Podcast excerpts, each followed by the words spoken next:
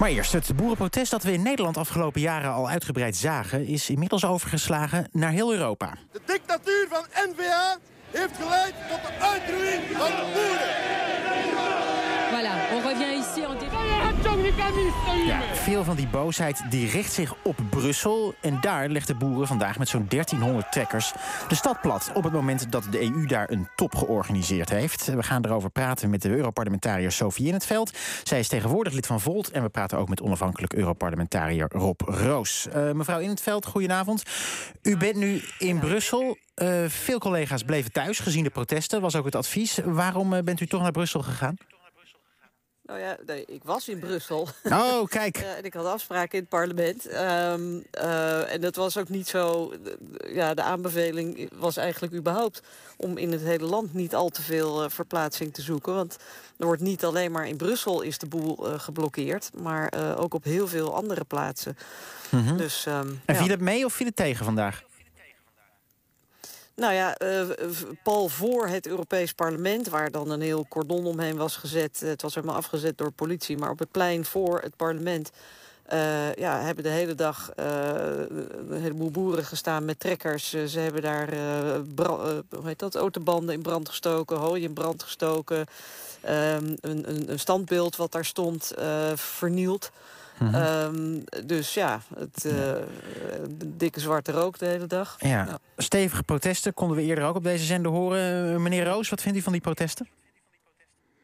Ja, de boeren die, uh, die zijn er duidelijk zat. De rek is eruit. er is vaak geprobeerd om op een hele fatsoenlijke manier met zeg maar, met de politiek in gesprek te komen. Maar de boeren zijn uh, keer op keer genegeerd. En vandaag moet ik zeggen, ja, dat was echt heel heftig. Het is, uh, de hele stad stond vol. Mm -hmm. ik, uh, ik moest eigenlijk naar huis. En ik, ik dacht, ik wist dat ze kwamen. Dus ik dacht om half zeven van, nou, ik, ik stap in de auto. Maar dat was al niet meer mogelijk. Ik had ook heel de nacht niet geslapen. Want de hele nacht hadden ze, zijn ze binnen Brussel binnengereden. En onder ja. luid getoeter. Maar goed, de, de, de, gronden, die begrijpt u dus wel. Gaan we het ook uitgebreid over hebben. Ja. Maar vindt u de manier van protesteren dan een beetje onbeschoft? Nee, helemaal niet. Oh. Kijk, uh, nee, nee. Want er is. Kijk, vorige week zijn er ook nog uh, andere protesten geweest. En dat gaat dan op een hele fatsoenlijke manier. Maar, maar dat helpt dus niet. De politiek luistert niet. Hm. En het wordt allemaal top-down uh, erdoor geduwd. En ja, de wanhoop uh, is, is enorm bij de boeren. Het, als we zien wat, wat een leed die mensen wordt aangedaan. Laten we eerlijk zijn. Hè? Elke twaalf dagen is er een boer in Nederland die zelfmoord pleegt. Die, man, die mensen zitten echt op het randje van de wanhoop. En uh, ja, die, die, die laten zich nu niet meer uh, wegsturen. Ja, en u vindt het ook logisch dat als je je zin niet krijgt op de politieke manier... dat je dan uiteindelijk branden gaat stichten in de straten van Brussel? Nou ja, weet je, dat, dat, ik, de, dat, die branden hadden voor mij ook niet gehoeven. Maar het, het is ook niet dat, de, dat Brussel in de brand staat. Hè. Ik bedoel, er zijn, zijn twee vuurtjes gemaakt. En, en uh, ja, daar kan je wat van vinden. Dat hoeft voor mij ook niet. Maar dat ze met al die trekkers uh, Brussel blokkeren... dat, ondanks dat ik er zelf niet uit kon, dat, dat support ik van harte, absoluut. Gisteren, mevrouw in het veld, kondigde de Eurocommissaris Markos Sefcovic... al twee maatregelen aan om de boeren tegemoet te komen. Zo komt er een rem op belastingvrije import uit Oekraïne. En grote boerenbedrijven worden niet meer verplicht om een stuk van hun land braak te laten liggen. Is het uh, goed dat we naar de boeren luisteren nu ze gaan protesteren? Nou ja, ik, ik vond het een beetje zo'n soort ad hoc reactie. Kijk, we weten al heel lang dat, er, dat het landbouwbeleid hervormd moet worden. Mm -hmm. de, de protesten van deze dagen die richten zich voor een deel op, uh, op, op Europa... maar voor een deel ook op de nationale overheid... Uh, voor een deel in België ook op de Vlaamse overheid... waar ze net een stikstofdecreet hebben aangenomen. Dus het is heel diffuus, het is heel divers. Mm -hmm. uh, ik denk dat het best goed is om met boeren te praten over... hoe ga je zorgen dat je bepaalde doelstellingen haalt? Hoe kan je dat het beste in de praktijk brengen? Maar ik denk dat je wel bij je, je klimaatdoelstellingen moet blijven. Dat, dat weten we al heel lang, dat weten we al decennia.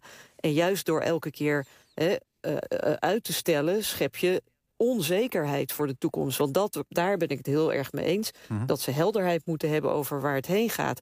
Maar dat je gaat zeggen van, hè, we gaan, uh, we gaan, die doelstellingen die moeten overeind blijven. Dat, dat weten we gewoon al decennia. Dat -hmm. weten de boeren ook. En ik denk dat als je kijkt naar die, die protesten... Um, dat zijn ook wel, daar zitten allerlei verschillende groepen met verschillende doelstellingen ook. Want je hebt kleine boeren die bijna kopje ondergaan. Maar je hebt ook hele grote boeren die zich feitelijk gewoon verzetten tegen tegen verandering. Er was ook een club van uh, extreem rechts die daar rondliep met, met spandoeken. Dus het, het maar mevrouw het veld, de boeren hebben wel één ding gemeen. Want het zijn hele verschillende boeren. Ze protesteren in Polen, in Duitsland, in Frankrijk, in België, in Nederland. Maar het is wel allemaal de Europese Unie. Dus, dus zegt dat niet dat er wat mis is met het nou, boerenbeleid in de EU? Uh, nou, dat, dat klopt niet helemaal, want de protesten in, uh, waren ook heel sterk. Hè. We hebben in Nederland natuurlijk ook ging het over stikstof. Dat was een, een nationale mhm. regeling.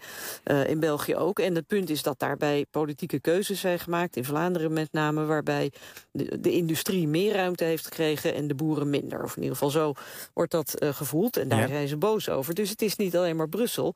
Maar kijk, dat, je, dat er... De, we hebben toch decennia lang elke keer de illusie gewekt dat dingen niet hoefden te veranderen. Mhm. Er zijn natuurlijk partijen geweest, uh, uh, en ook, uh, ook mijn vorige partij en ook mijn huidige... die al heel lang zeggen dat landbouwbeleid moet anders. Dat is niet vol te houden zo. En ik vind dat je daarover ook helderheid moet geven. Dan kunnen boeren daarop ook hun, hun plannen afstemmen. Maar wat je niet moet doen is zeggen... nou, we gaan, we gaan de hervormingen nog maar weer een keer uitstellen. Want dat gebeurt al decennia. Mhm. En elke keer wordt het daardoor juist moeilijker, pijnlijker. Um, en dat je, dat je met boeren om de tafel gaat zitten en zegt van... op welke manier kan dit het beste gebeuren? Ja, Dat, dat is goed, maar niet je doelstellingen loslaten. Meneer Roos, de Europese Unie moet zijn klimaatdoelstellingen... ten opzichte van de landbouw niet aanpassen, zegt mevrouw Van het Veld. Wat vindt u?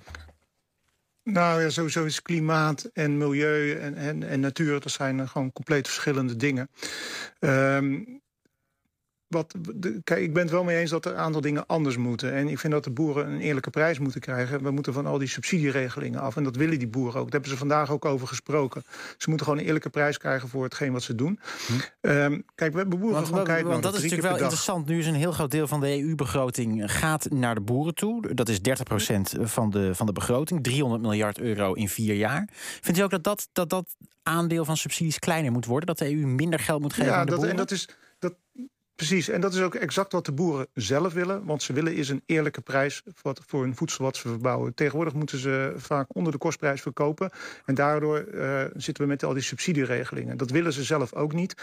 Die subsidieregelingen, dat maakt ze ook afhankelijk van, van de overheid. En ze willen gewoon veel meer zelfstandigheid uh, hebben. Uh Kijk, we, we verbouwen ons voedsel. En dan kan je wel zeggen van ja, dat is allemaal niet goed voor het klimaat. Maar wat ook niet goed is voor het klimaat... is dat we handelsakkoorden sluiten met de rest van de wereld. En denken dan dat het elders beter uh, en goedkoper en efficiënter wordt geproduceerd. En dat we het dan maar gaan importeren. Uh, advocado's van, vanuit Zuid-Amerika of zo. Mm -hmm. dat, dat slaat helemaal nergens ja, op. Franse boeren maken zich zorgen over vlees uit Zuid-Amerika, toch? Nou, bijvoorbeeld, weet je, en het is ook, dat moet allemaal geïmporteerd worden. Het gaat daar allemaal onder veel uh, uh, minder stringente regels als we dat hier in Europa doen. Onze mm. boeren zijn efficiënt. Uh, ze zijn heel goed in staat om, om, om veel te produceren op, op kleine oppervlakte. Dierenwelzijn is echt een issue bij de ja. boeren. En, en ook in de Europese Unie. Dat geldt elders niet. Dus als we zeggen van wij gaan het niet meer doen en we moeten dingen gaan importeren, daar is de planeet echt niet mee gered. Oké, okay, dat is één interessant punt om eruit te halen, mevrouw, in het veld. Minder importeren uit het buitenland en dus ook minder handelsakkoorden op, op landbouwgebied. Zou u daarvoor zijn om die boeren tevreden te stellen? Ik denk dat je daar dat je heel goed moet kijken uh, uh, waar, je, waar de juiste balans ligt. Want ja, als je handelsakkoorden sluit, dan moeten die natuurlijk ten eerste in lijn zijn met onze eigen. Normen. Hè, als het gaat inderdaad over, over milieu, gezondheid, eh, dierenwelzijn enzovoort. Maar moet je niet gewoon mee stoppen dat je ehm, zegt... de boeren die maken gewoon ons eigen voedsel... en dat halen we helemaal niet meer uit Zuid-Amerika? Ja, die, nou, ik denk dat sowieso ons hele landbouwmodel... Uh, gewoon op een hele andere leest geschoeid moet worden. En dat moet zich dan ook vertalen in de manier waarop je uh, handelsakkoorden sluit. Maar ik denk ook wel dat er, hè, als je kijkt naar Frankrijk bijvoorbeeld... Uh, daar hebben ze gewoon traditioneel, houden ze niet zo van handelsakkoorden. Mm Hebben ze een protectionistische inslag. En ik denk dat we daar een beetje uh, voor moeten oppassen. Uh, maar dat je naar een heel ander model gaat... en inderdaad uh, avocado's of mandarijnen die de hele wereld overvliegen...